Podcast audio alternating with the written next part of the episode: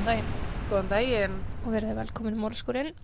Já, Ég heiti Jóhanna ég heiti Þórdís. og rétt en ég mynd mér í málið ætla ég rétt að minna á afsláttakóðan okkar hjá scrubdaddyisland.is Uh -huh. en með kóðanum morðskurinn fáið þið 20% afslátt af öllum vörum inn á scrubdaddyisland.is Sæði ég þetta? Ég, ég held að. God. Þetta er ekki minn dagur. Allavega, þá veit ég það. Ég ætla að byrja móli. Já. En í dag ætla ég að fjalla um Banitu Jax. Og ég er með alveg ofbóðslega fátæklegar upplýsingar um hennar æsku. En það er líka bara upplýsingar sem að skipta kannski ekkit svo miklu máli. Nei. En Banita gekk í mentaskóla í Charles síslu í Marlandríki í bandaríkunum og hún er hörð á því að hún hafi hætt í skóla þegar hún var 13 ára en aðrir segja hann hafa hætt þegar hún var 17 ára. Ok. En, en eftir 17 ára aldur þá var hún í það minnsta ekki lengur í skóla að því hún var orðin ólétt af dóttusni Brittany Marie Jax á 17 ári. Mm. Og Brittany fættist svo Brittany, Brittany, já, Já, já. Hún fættist 5. janúar árið 1991. Hvað nákvæmlega er svo í gangi árinu eftir get ég ekki svarað. Um, mér skilst að þar maður hafi búið inn á móður Banítu á meðan Baníta reyndi sitt best að vinna fyrir dóttu sinni. Ok. Og það næsta sem ég veit er að það 9. oktober 96 þá fæðist Tatjana Mekka Daniel Jax. All right. Svo veit ég lítið fram að árinu 2000 en þá var Banita að vinna sem hárgræslukona og hún kynnist í vinnunni manni Nathaniel, Nathaniel Fogel. Þau hefja ástasamband og Banita verður ófrísk og eignast þriðju dóttina, Nikaya og ári síðar yngstu dóttina Aisha. Þessi sexmanna fjölskylda flutti svo inn í íbúð saman og gerði sitt besta til að ná endum saman en úr verður að þau missa íbúðana vegna bara þau eru ekki að borga leigu. Uh, Þau flytja þó inn á mömmu Banítu sem endist mjög stutt en móður hennar uh, líkaði sérstaklega illa við Nathaniel og það er raun engin ástæð fyrir því að því mér skilst að þessi Nathaniel hafi verið bara topp náungi sko. ok. Hann gekk eldri stelpunum í föðustað að því að pappar þeirra voru bara einhverju bjánar sem að gengust ekki einu sinni við fæðurninu sko. Flottir. En þau voru þá að flakki inn á vinum og ættingum á götunni og í atkværum þar til, þar til þau komist í samband við hjálparsamtök sem að komum inn í almennlegt húsnæði. Og þau fengu bara mjög almennilega íbúð í parhúsi í Washington DC Mm. og áttu bara eftir að njóta lífsins þar. Þanga til. Akkurat. Banita er sögð hafi verið mjög góð móðir. Bönnin hennar voru alltaf hrein og fín til fara með greitt hár og kvörtuð ekki undan einum. Svo fyndi að þetta sé standardin Já. með greitt hár. Einmitt, ég... Æ, ég ætla ekki svo bara að expósa mig þetta, sko. ég ætla ekki bara að kremur hárið í dag, sko. Nei, þú, það er ofta sem að stelpnum mín að líti út eins og argentæta sko. Það hefur ekkert með það að gera hvernig þeim er sitt heimasamt. Argen. Argentæta? Hvað er það, eitthvað patta eða? Mm, Nei, man ekki hvað það er. Það er teiknum þetta fíkra. Argen. Argin tæta. Núna er einhver öskrandi á okkur stelpur. Já. Hérna? Argentæta lítur svona út. Er það líka bönnuninu við þetta? Það er ofta sem að lítur svona út, já. Það er bara ekkert lindumál. Ok. En lífið virtist allan að hafa verið bara ágætt við þau. En það er svo árið 2006 sem hann að því Nathaniel greinist með krabbamein og hann er bara látin nokkrum mánuðum síðar, eða í februar 2007. Ó, hvað það er leðilegt. Já. Og það er þá sem að mikla breytingar sjást í fari Banítu og í rauninni þannig mánuðunum undan líka Mm. í janúar þegar það var svona að vita í hvað stemdi. Já. Baníta var bara með sín að missa mannin sinn, hún brást mjög ítla við því og hún er sögð hafa reynd að fela þetta frá dætur sínum að Nathaniel hafi dáið. Þú veist, þú mátt ekki tala um það. Uh, ok.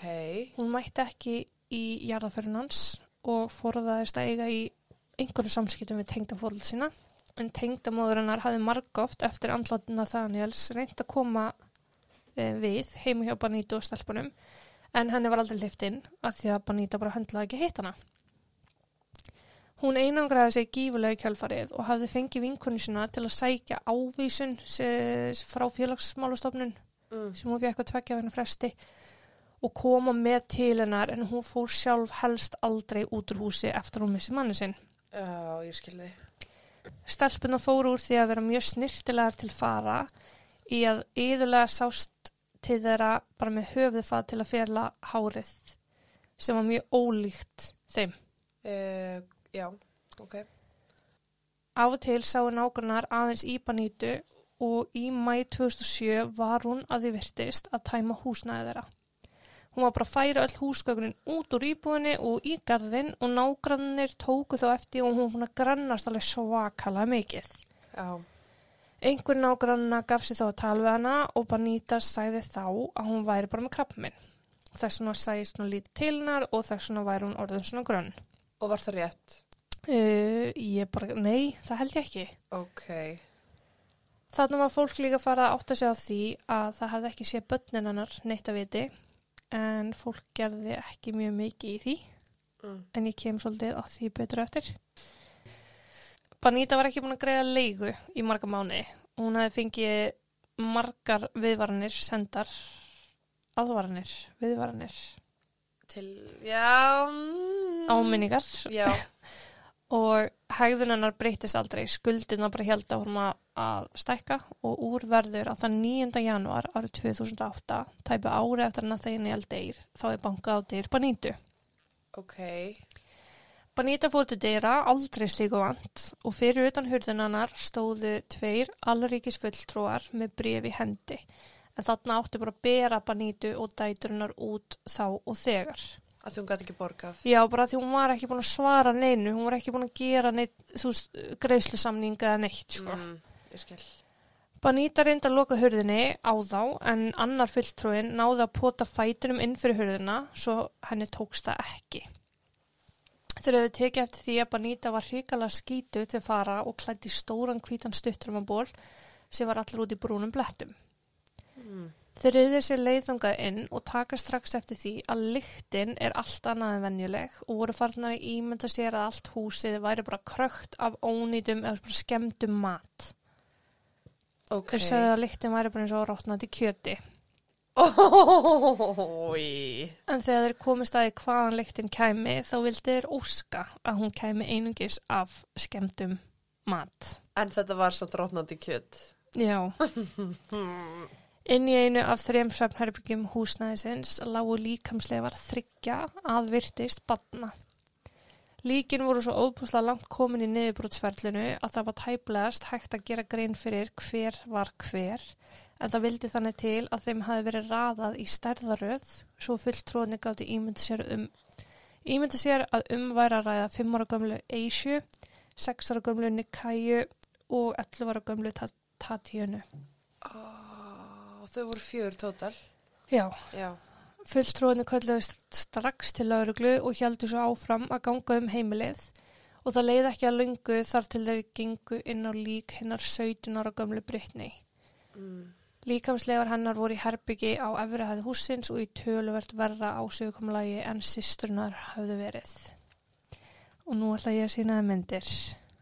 Það erði, ég var hérna að fá svimakast fyrir korturi, viltu ekki bara, oh, Þetta eru yngri þrjár lága er bara svona. og þetta er Brittany. Oh my god, já, niðurbrots. Þetta gerist ekki á einni viku sko. Mm, nei, mm, það er ekki, nei. Og þær eru án þess að eiga einhverja beturlega að segja þetta. Þær eru í rauninu búin að bráðina ofan í teppið.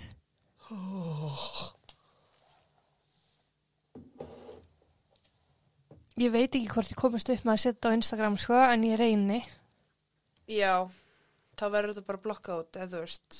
Ef ekki, sendi okkur mynda, nei, sendi okkur skilabóð Instagram og ég skal bara senda okkur myndina þar. Já, Bara einhver skil, eða bara DM. stundum líka breytir þetta yfir í hana What's Anyway eða eitthvað, þú veist. Já, þannig að þú veist að haka ég að opna. Eða þá við verum blokkar sem væri náttúrulega verða, sko. það var náttúrulega bara ekki eðlulegileg. En munurinn á líkunum var sá að Aisha, Nikaya og Tatjana höfðu leigið inn í herbygginu og það var lítið hægt að segja til um hvað nákvæmlega kom fyrir. Ok. Brittany hins vegar, hún lá í blóðpolli, bara uppþóttnuðum blóðpolli. Ok. Það þótti strax ljóst að stúlkunar hefði allar leið í einhverja mánuði inn í herbyggunum og Brittany trúlegast tölvertlingur en sýstu sína þrjár. Mm. Lauruglan var komin innan skams og Banita var bara handtekinn þangu til að Anna kæmi ljós og hún far til yfirheysluna. Mm. Ó, yfirheysluna. Hún fór yfirheyslu. Já.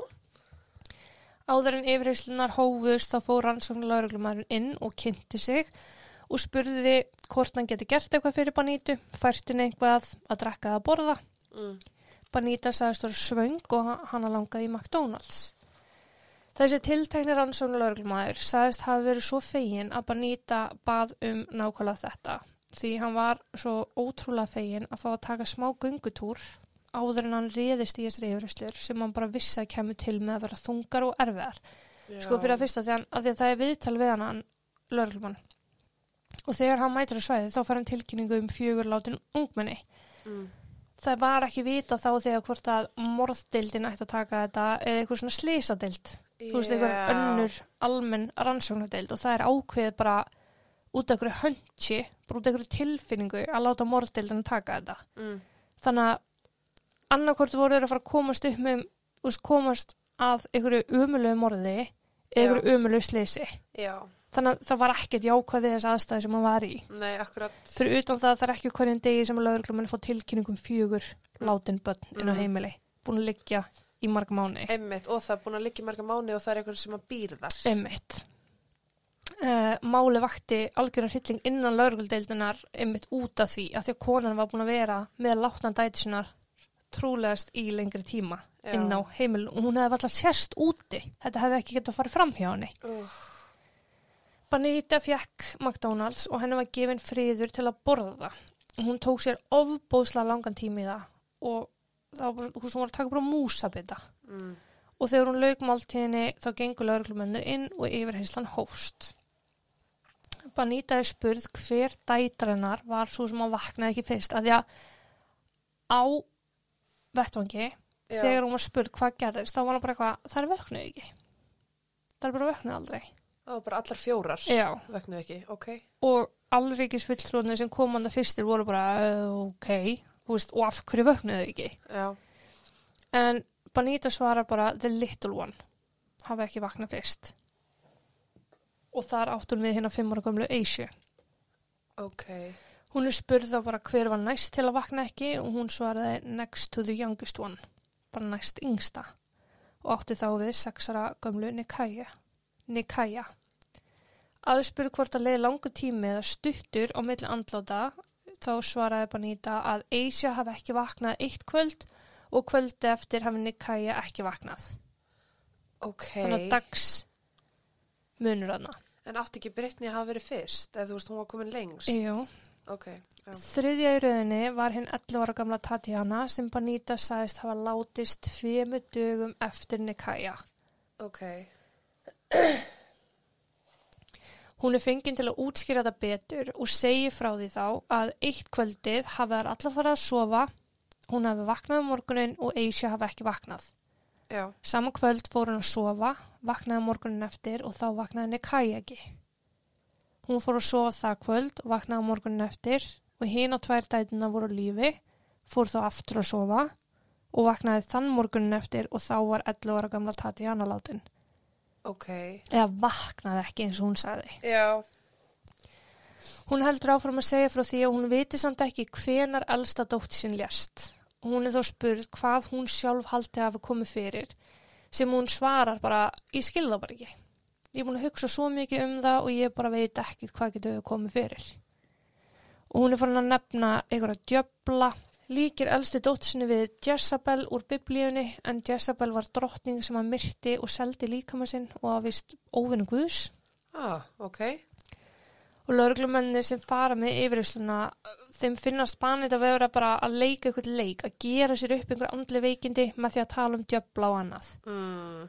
Og þeim er farið að gruna að banið var svo sem að var dætur sínum að bana en voru enn að býða eftir bráðabæra niðurstöðu krupninganlækni sem átti eftir að bara, sem átti eftir að berast bara hvað og hverju. Já, Þannig að þarna voru þau bara eitthvað, þú drafst hana, eða þú drafst þær, já, það kemur ekkert til greina, þær sopna bara ekkert, fyrir utan það að Brittany lág í blóð, blóðbólli. en getur það ekki verið bara líka mann að losa út eitthvað vöku og eitthvað drasl eftir að þú deyrð? Nei, ekki hann, ekki þess tilfell alltaf. Ekki er stilfilli, Nei. ok. Þeir voru, hann segir í myndbandi þeir hafi verið að spurja hann spurningar sem að þú veist, þeir telja að ósakhæfur einstaklegur hefði ekki getað svarað. Mm, Hann tekur engin dæmi og þetta er átta tíma yfirheysla og þá náttúrulega er ekki allt saman á netinu sko. nei, akkurat. En það er einhverjarnar spurningar sem þeir leggja fyrir hana sem hún svarar bara ekkert mál. Já, virðist vera. En Banita var ekki með mörg svör svo að lauruglan treysti svolítið á að komast að hvað hefði átt sér stað þetta tæpa ár frá því að Banita var sjálfur sér lík og þangað til að það 9. janúar uh, árið síðar. Sérst það 2007 og svo 2008. Já, sérst, áður en hann deyr og, eða, Já, og hann, svo, já. Eins og ég nefndi þá hafði hún byrjað að einangra sér svolítið og einangra stelpuna líka en enginn í kringum hana hafði haft neina stórkvæslar áhyggjur samt því að Banita var talin fyrirmynda móðir. Mm, Þegar fólki í kringum fjölskylduna uh, en ég minna voru stelpunar að mæta í skólan og eitthvað. nei, Og var enginn að spá í, hei, akkur eru þær ekki í skóla? aðeins, ég skal bara fara hans yfir það hérna. Ok. Að því að þegar að uh, tala var við fjölskylduna þá kom ansi margt í ljós og bara fólki í kringum fjölskylduna. Brittany átti kærasta fyrir að fyrsta. Mm, og hann hefði síðast séð Brittany í mars árið 2007, ok. tíu mánuðum áður en hún finnst látin. Þá hefði Brittany ekki mætt í skólan í rúman mánuð og trúlaðist ekki sýstrunar líka og hann var fann að hafa áhyggjur.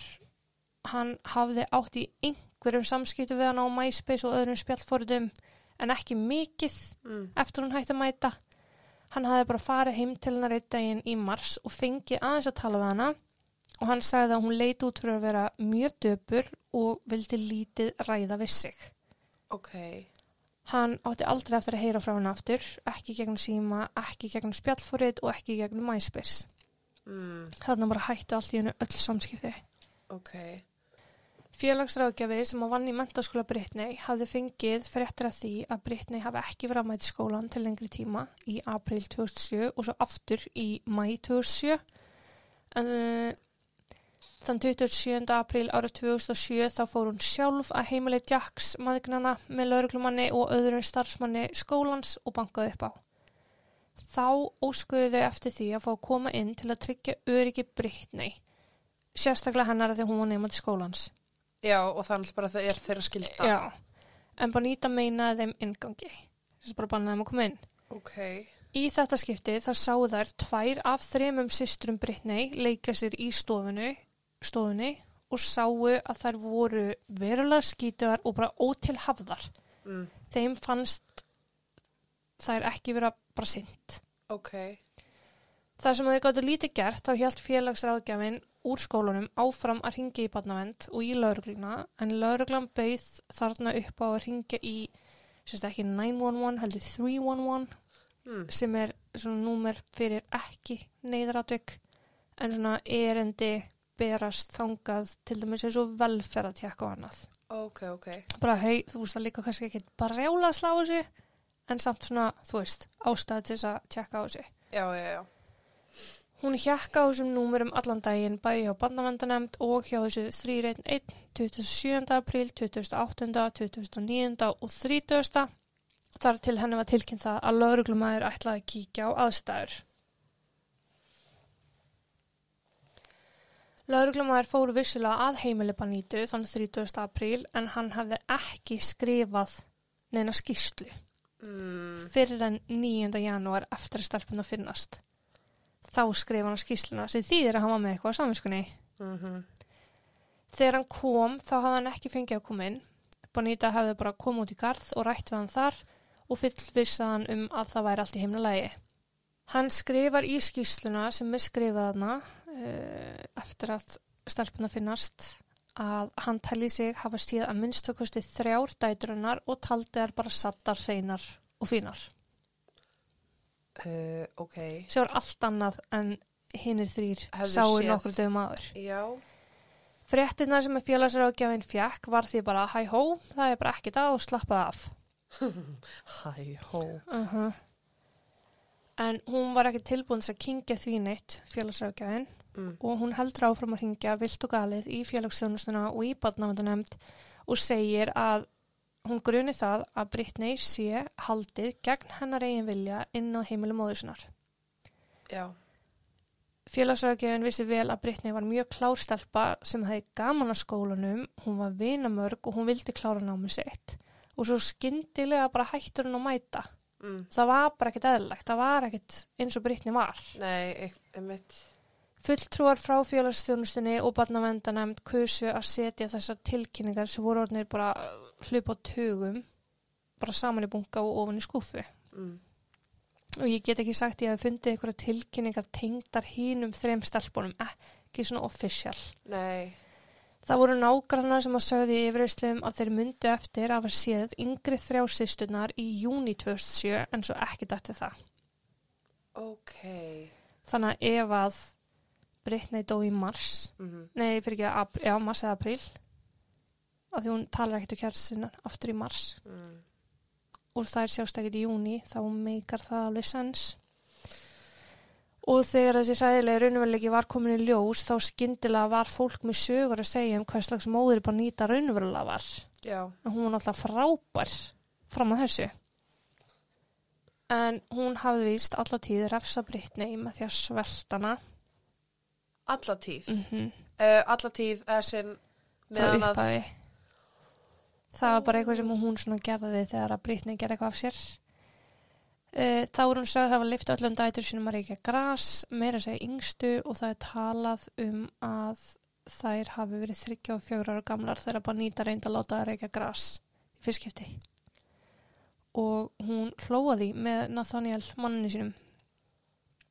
ok, Þannig að bak við læstadir var kannski einhvað allt annað að gerast en fólk fannst að sjá og upplifa í almenning Mhm. en það var það að dæma út frá útliti barnana. já, Hann er bara það fela ansi mikið bara með útliti sko. uh En bæði móður Banítu og tengdamóðurinnar höfðu á einhverjum tímapunkti tilkynnt Banítu til barnavendar. ok, Þegar lauruglan er búin að sópa þessum upplýsingur saman þá var orðið enn frekari grunur um að stúlkunar hefði ekkert bara sopnað og aldrei vagnar aftur og loksins ringdi krupningalæknirinn með niðurstöðunar. Þetta voru að bara bráðabyrða niðurstöður. já, Bara þetta, þú veist, ég veit þetta, ég veit ekki hitt, en þetta getur sagt þér eitthvað. já, já, já, Brittany hafði verið stungin margsinnis við svörum líkamann með hníf og systurinnar Aisha, Nikaya og Tatjana höfðu allar þrjár verið kyrtar með handabli. mm. En vegna þess að hversu óbærslega illa farin líkin voru þá gat krupningalæknir ekki sagt þetta er það sem að dróðar til dauða. nei, Hann gat einungi staðfest það að slíkir áverkar voru á líkamsleifunum. akkurat, Þá gat hann staðfest að yngri þrjásýstunar hefðu verið látnar í að minnst okkusti sjö mánuði, júni, júli, ágúst, eftir bróktum og nómber frá Desember. því að þær sáust þannig að vera leika sér, já, og Brittany einhvað tölvöld lengur. Hann gat ekki sagt til um hversu mikinn tíma lengur af því hún var náttúrulega bara skjálfilega illa farin. akkurat, En það var meira en nóg fyrir laurugluna sem að gekk aftur inn í yfirheyslu herbyggið og hann tóku Banítu fyrir morð. Og Baníta var voða tilfinninguleg sko. Hún, hún reyndi eitthvað en bara nei það er sopnuðu, ég veit ekki hvað gerðist. Svo var hann bara ok, húst. Lauruglan bjóst við og hún myndi halda því fram og hún var ekki sakhæf. En það kom öllum á óvart að Baníta bara afþakkaði það að lýsa yfir ósakhæfi. Já. Hún vildi ekkit útskýra það neitt frekar, sérst hvernig þessu öllu bar að og þetta var alveg gjössalega gegn því sem lögfræðingarinnar rálöði henni en hún sagði bara nei takk og óskaði eftir því að einungi stómari færi með mál sitt en ekki kviðdómur. Sérst að kviðdómur fengi ekki að heyra málið. mm, ok, en hver er ástæðan fyrir því? Hún gerði grein fyrir þeirri ákvörun uh, en hún vildi ekki koma fram fyrir fram að kviðdóm sem að myndi aldrei geta sett sig í hennar spór til dæmis. Hún vildi frekar að framtíðanar var í höndum einstómara fremur en fullt af fólki í kviðdóm sem að fær upplýsingarna kannski ekki alveg á svart og hvítu sko. ok, og meðan dómar að fara gögnin að lesa þau mm, að þá til dæmis, þú veist, lögfræðingar eru oft bara leikara, sko. já, Skilur hvað við? mhm, Setja upp eitthvað scenari og reyna að selja kviðdómiða, já, sem er ekkert alltaf sangjant, sko. nei, Og öll þessi atriði sem er, þú veist, þeir segja eitthvað og eru látni draga þetta tilbaka, þessi orður eru samt búin að falla og geta haft áhrif, þrátt fyrir að kviðdómur segir, nei, þetta hefur ekki áhrif. mhm, Þú veist, það getur engi sagt með það, þú veist, þeir afskrifa eitthvað já, og þá er það bara afskrifað að fullu, skilju. akkurat, Ég er samt persónulega hissa á því að þetta sé hægt. Þú veist, ef það er grunur um að viðkomandi sé ekki sakhafur, þá finnst mér réttast að skoða það og útiloka það uh og taka svo ákvarðinu út frá því. 100% sko, En einu og hálfa ári síðar, eða þann 15. júli árið 2009, þá komið að réttarhöldurum. Dómarinn hlustaði á alla hliðamálsins og gaf sér góðan tíma til að komast að niðurstu og niðurstaðan ætti auðvitað lítið að koma óvart en hann dæmd hann að seka í öllum liðum ákjærunar. En það var svo ekki fyrir desember sem að kveði var upp dóminn sjálfan en hún fekk að loku um 120 ári í fangilsi eða 30 ár fyrir hvert morð.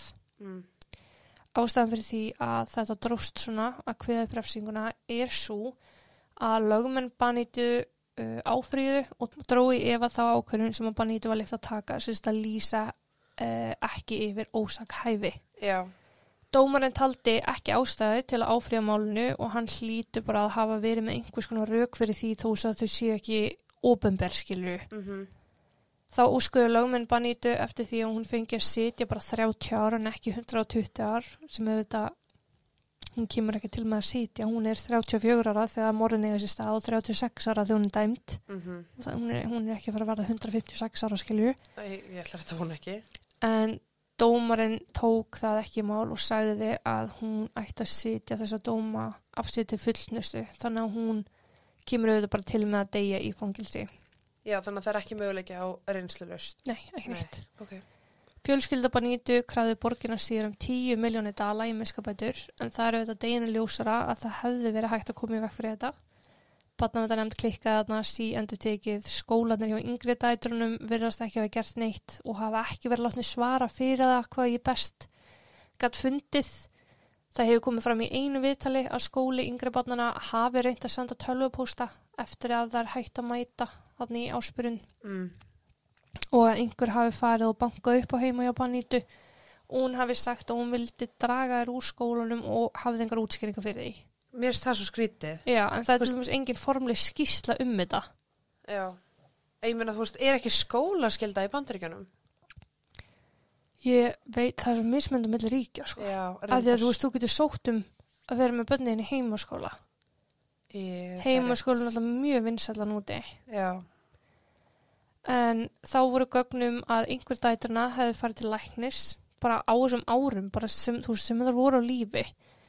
Um, og þar var á svartu hvítu að badnið þjáðist af vannæringu og það var ekki heldur tilkynnt. ok. Þannig að Banita hefur náðu að kjafta sig út úr alls konar ruggli án þess að einhver vissi, sko. Já, Þannig að þetta eru bara mistök ofan að mistök ofan að mistök endalust í mörg ár og sérstaklega þessa mánuði árið 2007. En vinafólk Banítu fannst fyrir eitthvað taktlust að fjölskyldan var að krefjast margra miljóna þegar þau höfðu ekki verið í sambandi við Banítu eða börnin í fleiri, fleiri ár. mm, Þegar að að börnin sá síðasta lífi, þá voru samt 2,5 ár síðan að ömmunar höfðu fengið að sjá börnin. já, En við getum ekkert sagt til um út af hverju það var, hvort það hafi verið Banita sem var bara að loka á þær eða hvort að þau hafi bara gefist upp.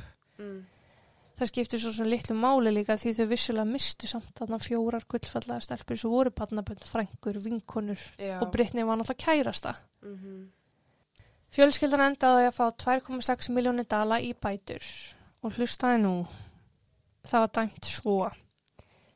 Miljón vegna Eishu, miljón vegna Nikaya og svo 300.000 vegna Tatjönu og 300.000 vegna Brittany. Why? Og vinsamlegast útskýru það fyrir mér. What? Tatjana var 11 ára, Brittany var 7 ára, nei 17 ára, Eisha var 5 ára og Nikaya var 6 ára. Þetta er alveg mikill missir Já. þú sér 12 ára eða 20 og 100 ára, skilur? Já, algjörlega.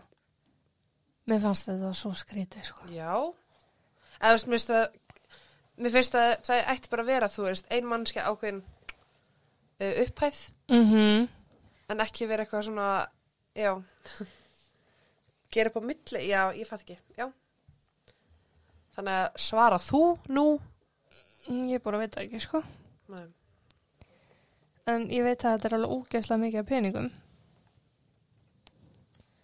En ekki það sem að þau vildu og ekki það sem að það skilja. Þetta er 377 miljonir eða eitthvað. Sælir. En rannsóknin nefndi að fengi til að skoða alla hliða málsins til að sjá hvar nákvæmlega fólki var á. Og það var á ansi mörgu sko- stöðum. Mm. Það var skólinn, það var barnavandanemnd, það var félagsráðgjöfin, það var borgin, það var bara allt í rugli. Mm Félagsráðgjöfin er sem sagt félagsmálastofnun í rauninni sem að banýta nöyð þjónustu hjá. Akkurat. Adrian M. Fendi, þáverandi borgarstjóri, vildi ekki taka létt á málinu enda um graf alvarlegt málaræða og nokkuð augljóst að margt hafi klikkað þannig í ferli sem átt að vera nokkuð fullkomið. Mm. Hann gerðist því svo grófur að á einu sunnundaskvöldi let hann starfsmenn banka upp á hjá tveim félagsstarfsmennum, tveim yfirmennu þeirra og tveim símastarfsmennum hjá barnavandanemnd og þeim var rétt uppsagna bref vegna vannrækstu í starfi. Ok. Með þessu var borgarstjórun að hefja herrferð sína í að betrum bæta þetta ferli sem átti að vera það sem hefði bjargað sýstrunum en gerði það ekki. Mm. En áður en hann gætt gert það þá fannst hann hann þurfa að láta þá sem hann bári ábyrð taka út sína refsingar. Já. Það voru miklu fleiri en þessi sex einstaklingar en einhvað hefur hann haft á þessa sex til þess að geta sagt þeim upp. Mm Í framaldi af því þá leta hann búa til nýja verkferðla þar sem að engin mál getur lent ofin í skuffu. Það ætla hann að gera með til dæmis þremur heimsóknum á mismundi tíma dags þar sem að staðfæst að vera að börnum var í lægi án fyrirvara. Þú veist það er bara eitthvað svona mínimum, bara eitthvað lámark sem hann vildi að barnavendarnefnd myndi gera í öllum tilvikum sem að færi sérst á þetta næsta skrifa að þyrft að heimsækja. Mm. Þá let hann endur upptaka fullt af málum og let klára þau mál sem voru óklárið af því að voru bara bunkarnir hér og þar sem voru óklárið mál Já. sem var ekki svona vita stöðun á börnunum sko. Nei, látin líka. Já. Það var nefnilega skoðað hvort að þetta hafi verið einstaklingsbundi mál, Mm. bara one time thing, eða hvort það verið villa í kerfinu og auðvitað var það það þó svo að þetta einstaka mál hafi verið svona hrikalegt. Já. Í dag eru lögin sem betur fyrir sterkari og vonandi er hægt að koma í vekk fyrir svona skjálfileg mál. Mm. Svo bara eina að lokum húsi sem þær byggu í var sett á sölu. Var metið á 220 stali en sett á sölu á 163 stali. Seldist ekki. Mm. Var það lækka neyri 90 stali og það seldist ekki. Ó. Og að lokum fór húsnaði bara á banka upp og, og virðist það var selst þar. Og ég er alltaf lúmst að býða eftir að sjá TikTok. Já. Bara eitthvað I bought this house, this case. Ég held einmitt að veist, þessi hús væri kannski seljast meira vegna þess að fólk er Já, svo forvitið. og vill ná TikTok Aha. fræð. Ok, viltu ná TikTok fræð fyrir 300 miljónir? Myndur þú gera það? Nei. Nei. en já, þannig var málið, þetta er umulegt. Það er líka, hérna á Íslandi, ég er ekki að segja að barnavendakerfi hérna sé fullkomið, en það er þó betra en þetta og eins með, þú veist, ef að Írina mætir ekki skólan, Mm eða fær x marga fjárvistir, mm. Þá er tilkynning sendið barnavendanefndar. Já, það, þú veist, Það er- Ótskýra fjárvistir, ótskýra veikindi, þú veist, ofta koma seint. Mhm. Það eru bara reglur sem eru bara á myndum í skólanum hjá henni, út um allt, sko. Já. Tímann ætlaði ég að taka mynda þessu, ég glemdi því.